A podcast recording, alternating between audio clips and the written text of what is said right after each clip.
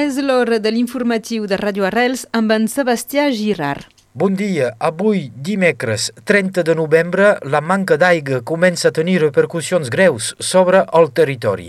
Ahir dimarts, el Tribunal Administratiu de Montpellier va anul·lar la derogació que permetia als agricultors del Conflent i del Riberal d'agafar l'aigua de la tet quan el seu cabal és molt fluix. 1.500 pagesos gaudien d'aquesta derogació des del 2013.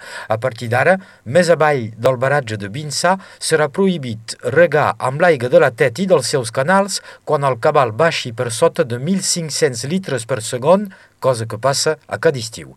El Tribunal de Montpellier va donar la raó a l'associació France Nature que denunciava una situació que, segons l'entitat, posa en perill l'ecosistema del riu més llarg de Catalunya Nord.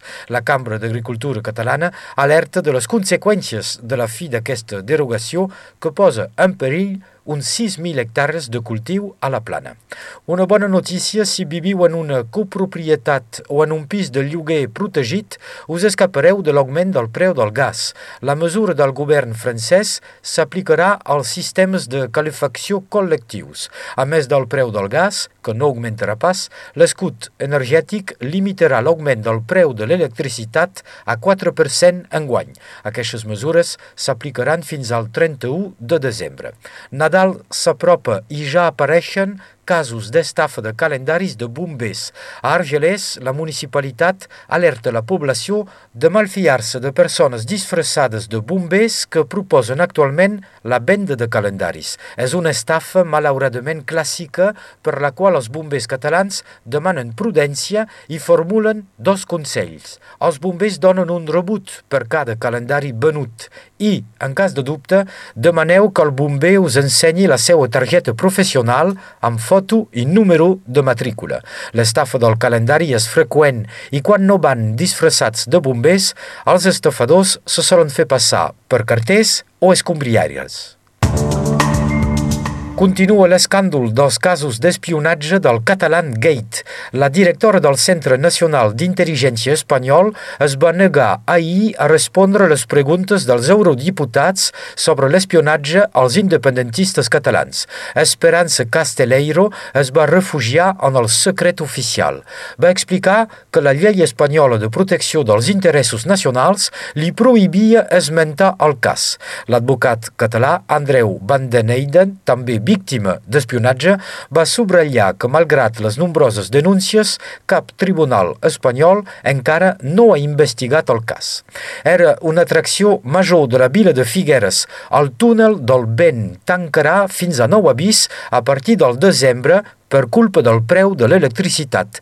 Aquest túnel permetia d'oferir una experiència als clients recreant la sensació que tenen els paracaigudistes que planegen a 4.000 metres d'altitud. Una simulació energivora per l'empresa que no pot més assumir el cost de la factura d'electricitat. I acabem amb esports. En rugby a 15, l'USAP prepara el desplaçament a Tolosa amb els dubtes sobre l'estat de salut del seu taloner Seilala Lam, tocat al genoll, i també del seu pilar dret Arthur Joly, que no s'ha entrenat aquesta setmana. En canvi, el pilar Sacha Lotrian i el tercera línia Brad Shields han superat el protocol comoció i podran jugar contra Tolosa aquest dissabte.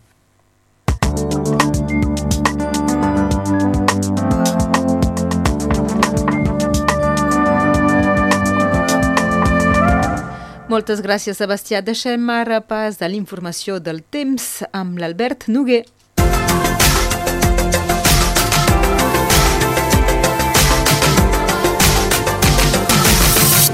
Aquest dimecres s'ha acabat la inestabilitat que ha marcat el temps els darrers dies. Vol dir sol, però també vol dir que no plourà. Poca cosa més a dir del banc del cel, doncs sol, de la costa fins a la muntanya.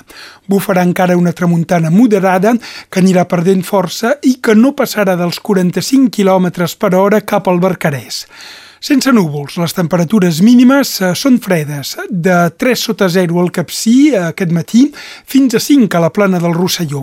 Les màximes de la tarda arribaran als 15 graus a Salses, 14 a Cabestany i Palau del Vidre, 13 a Saret i a Marquessanes, 8 a Prats de Molló, 7 a Estavà i 4 a Formiguera. La temperatura del mar és de 15 graus. Cap problema pel que fa de les al·lèrgies al pol·len amb un nivell de 1 sobre 6 i 2 sobre 6 pel que fa de la contaminació a l'ozó.